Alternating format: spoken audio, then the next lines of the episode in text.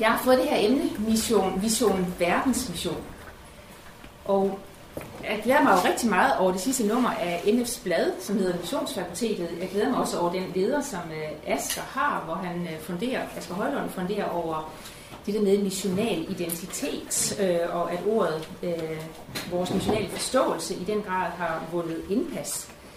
Alligevel har jeg spekuleret rigtig meget over, om man som, øh, som enkeltperson, øh, og egentlig også som kirke, som fællesskab, kan have en missional identitet, kan tale meget om mission og, og, og se sig selv ind i den der missionale identitet, uden at have syn for verdens mission.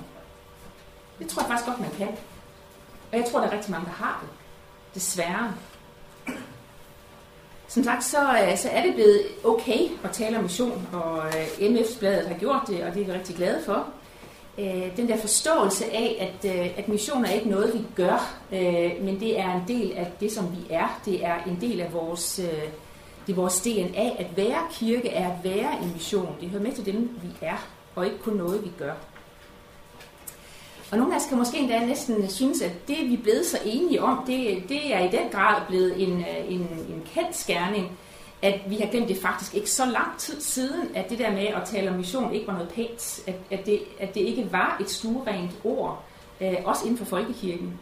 Øh, at det at drive mission blandt døbte, det kunne man slet ikke tale om. Det var, det var grimt at, at tale om sådan noget at man så kan diskutere om, hvor stuerent ordet mission er blevet af en ting, og mener vi så det samme, når vi taler om mission, det er så en anden ting, øh, som egentlig ikke skal være temaet her, men at, at der i hvert fald er en række initiativer, som kommer af det her, øh, at mission er kommet på dagsordenen på en måde, som den ikke har været tidligere, uden at det nødvendigvis overskrider så mange grænser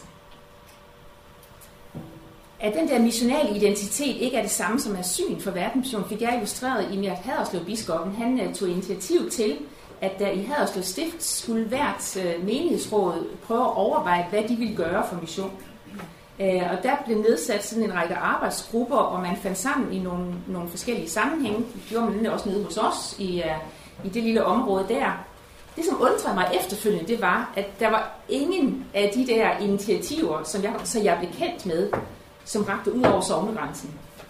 Det var alt sammen missionsinitiativer, som var i forhold til konfirmander, eller i forhold til dåbsforældre, eller i forhold til andre. Men, men det kom ligesom ikke ret meget længere end dertil. Det var alt sammen noget, som havde med mit lille nærmiljø at gøre. Og det er jo rigtig godt, fordi det var jo tidligere noget, som vi ikke skulle gøre. Det var jo mission langt væk. Men nu blev det pludselig til, at mission var lige her og lige nu. Og hvor er det dejligt. Men jeg sad alligevel tilbage med fornemmelsen, hvad blev der af det der lidt større perspektiv? Og jeg fik det bekræftet af, at øh, Jesper Kure fra Apostolskirken i Kolding, han kom til mig og sagde, kan du ikke, kan du ikke hjælpe mig med, at, øh, at vi får det der øh, perspektiv med ind i Apostolskirke i Kolding? Og så siger han til mig, vi er egentlig rigtig gode til det med missional identitet i Apostolskirke. Vi er meget optaget af mission, men vi når aldrig længere til bygrænsen. Det er vores missionsmark. Lige her omkring. Der, der er det, det foregår det der med, at, at noget kunne være længere uden for mit eget nærmiljø, det var svært at, at rumme, det var svært at få syn for, og i øvrigt så var det jo også det at være lige her. Nu er det okay at være optaget af mission i forhold til dybde. Mission nåede ikke længere til byskiltet. En forståelse af os selv som en del af kirken på verdensplan med et medansvar, et missionsmedansvar, er blevet langt mindre tydeligt i den her sammenhæng. Så man kan godt have en missional DNA, uden at have syn for verdensmissionen.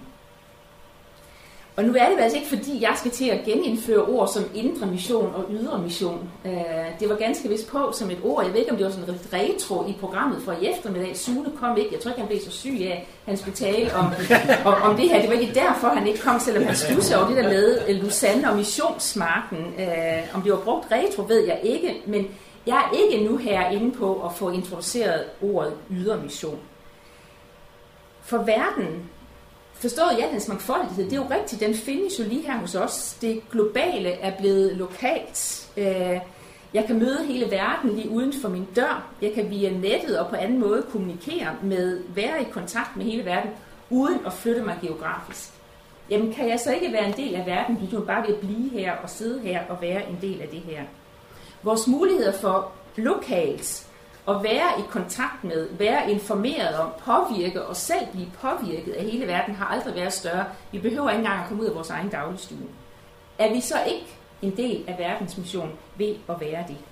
Det er jo altså enormt, at det er sådan der, og derfor er ordet globalt jo altså også et rigtig godt ord, som, som netop rummer det der, eller rummer blandt andet den der virkelighed, at den store verden, den lokale verden, når den ændres, jamen så gør min egen lille verden det også. I den grad, så, så, så hænger vi sammen.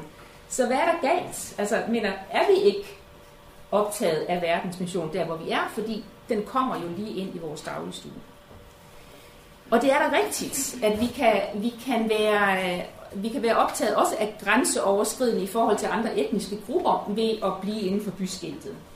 Vi kan lave mission til Etiopien ved at tage til Højbjerg. Men der findes etiopiske immigranter her i landet, så kan vi ikke nå etioperne bare ved at blive her. Og skal vi ikke det? Der findes masser af burmeser i Ølgol, men du ikke at komme så langt væk endda.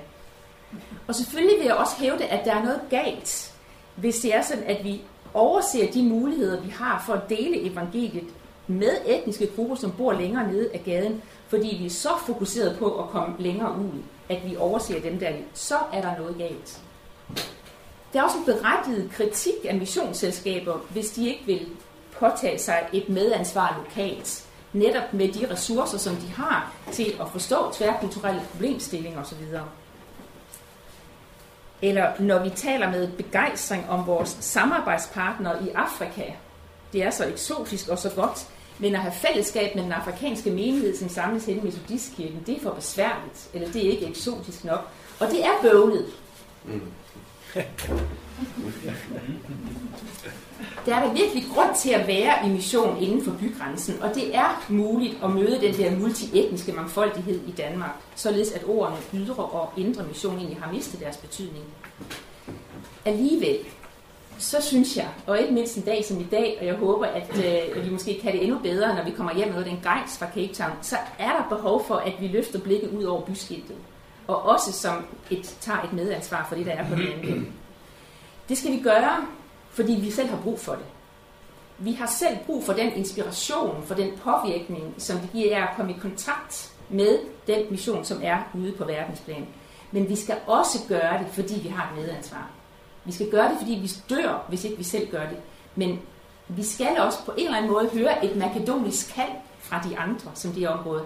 Og det bliver så lidt overdøvet af vores øh, nødvendige optagethed af mission på et lokalt plan. Men hvis vi ikke løfter blikket, både for at glædes over, for at blive inspireret af, så er der noget, som vi mister, og noget, som vi ikke ser. Ser både hvor er det missionsressourcerne de bruges henne? Og er der en fordeling, som det er okay at acceptere?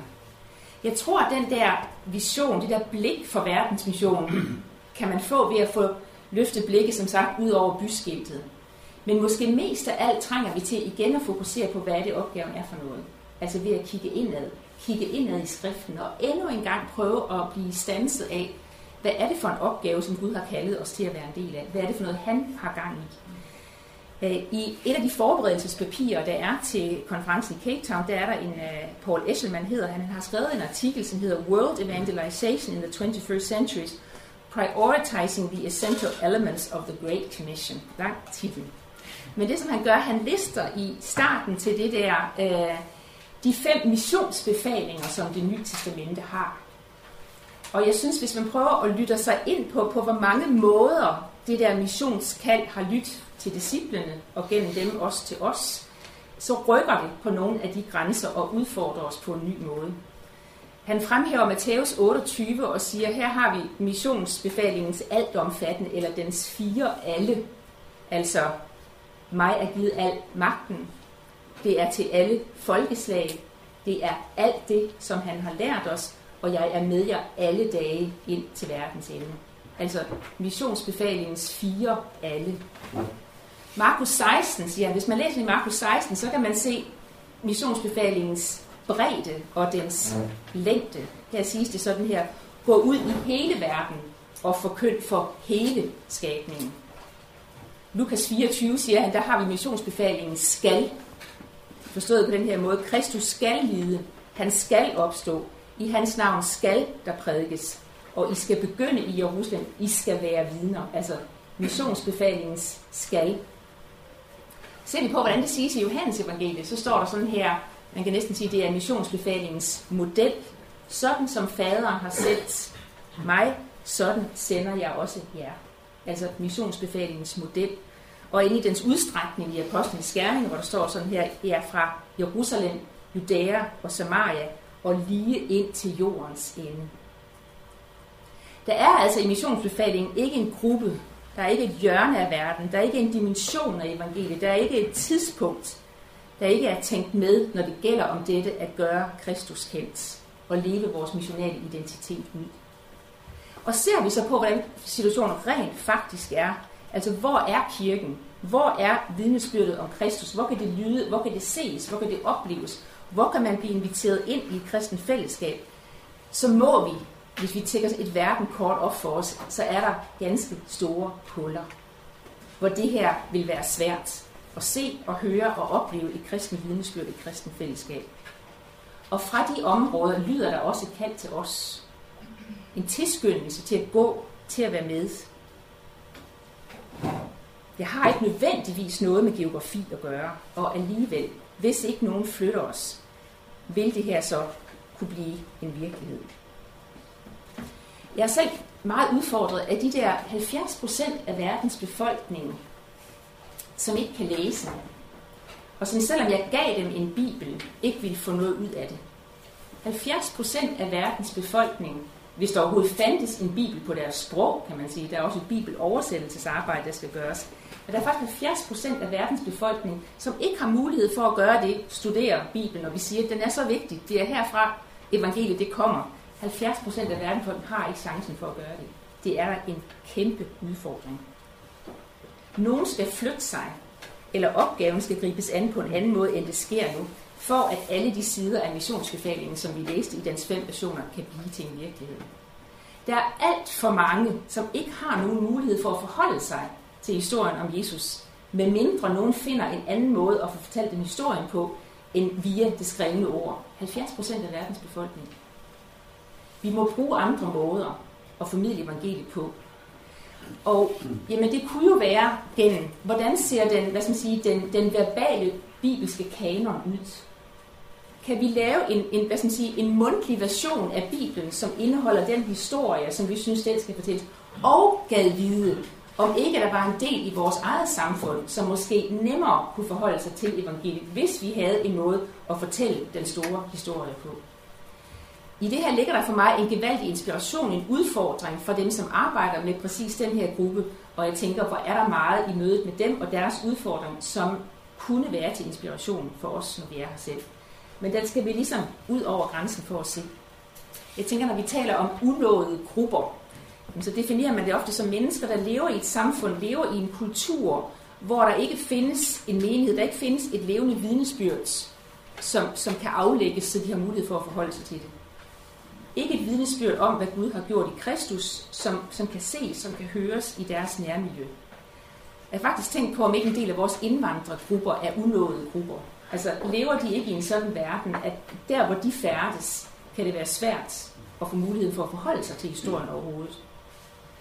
Og selvom vi ikke tæller indvandrergrupper i Danmark med som unåede grupper, så siger missiologer, at der faktisk findes 50, 500, 500 millioner mennesker, som i deres egen nærmiljø ikke har muligheden for at forholde sig til evangeliet. De kan ikke høre det, de kan ikke se det, de, kan ikke, de støder ikke ind i nogen, som er bærere af det. Og så kan man sige, at der kan der laves masser af radiomissioner og tv-missioner, det kan sendes til alle de der områder, og det skal vi selvfølgelig også gøre. Men jeg tænker alligevel, er der ikke en udfordring her, at der findes så mange mennesker, som i deres dagligdag aldrig støder ind i et kristen vidnesbyrd, hverken i form af ord eller i form af et levet fællesskab. Jeg synes, det kunne være en spændende exercise at gøre, at have et, et lydbånd, som, som spillede igen og igen missionsbefalingens fem versioner, og vi hørte det sagt, samtidig med, at man så et verdenskort op foran sig, og så prøvede at se, hvor kan det her ske? Hvor kan det blive en virkelighed? Jeg tror, det vil være et eye-opener for os til at se nogle store områder, hvor det her endnu ikke, sådan som vi gør det i dag, kan blive en mulighed. Og derfor så udfordres med, hvordan er det egentlig, vi har vores ressourcer fordelt? Vores manpower-ressourcer, men også vores andre ressourcer. i forhold til de mange områder, hvor der er færrest, der bekender Kristus som Herre og som frelser. Det er blandt store grupper af muslimer, det er blandt store grupper af hinduister og buddhister. Kan vi, eller hvordan kan vi bedst med vores tilstedeværelse give evangeliet om Kristus og Guds kærlighed i ham, hænder og fødder og mund. Og jeg tænker, tror vi på de der vidnesbyrd, vi hører om muslimer, som møder Jesus i en drøm, øh, som har en vision om et eller andet. Og hvis vi tror på det, hvordan griber vi så fat i den? Hvordan bliver det der møde med Jesus til evangelisation, til discipleskab og til fællesskab? Så det bliver en reel mulighed for den at få den der vision omsat. Det er rigtigt, at ordet missionsmark er antikveret og ikke stemmer overens med vores virkelighed. Det er også rigtigt, at det signalerer en demmer os holdning eller en fra os til dem attitude, som mere end antyder, at mission er noget, som de andre har brug for, og noget, som vi har fattet, og vi har til uddeling, og måske endda selv uden at leve særlig meget af det. Paul Esselman han skriver videre i sit papir, det are from every part of the world is called to go to every part of the world. No country is exempt from sending, and no country is exempt from receiving. There is no room for triumphalism. Our lives should be characterized by obedience to God, servanthood to one another, and humility with grace. No sanctified business plans or entrepreneurial venture can replace the supremacy importance of His blessings. Det er rigtigt. Men hvis vi derudfra drager den konklusion, at menigheder i Danmark derfor først og fremmest, og måske udelukkende, skal fokusere på mission inden for bygrænsen, og at missionsselskaber i dag okay bare kan vende blikket hjemad og møde de multietniske grupper, som lever blandt os, fordi det globale nu findes lokalt, og der ikke er noget, der hedder missionsmark, og jeg er altså ikke inde på at reintroducere det her ord. Men jeg tror alligevel, at med den attitude på, så bliver der en række blind spots, og en række områder, som missionsbefalingen ikke kommer til at blive berørt af. Det hedder ikke i dag From the West to the Rest. Men med Lausanne's slogan om, at hele kirken skal til hele evangeliet, til hele verden, eller From Everywhere to Everywhere, så er der brug for, at vi løfter blikket ud over byskiltet og overvejer, om vores forståelse af missional identitet er blevet en sovepude i forhold til dem, som ikke er en del af vores eget nærmiljø. Hvor vi har brug for at komme ind i missionsbefalingens nedre lag for at komme længere ud.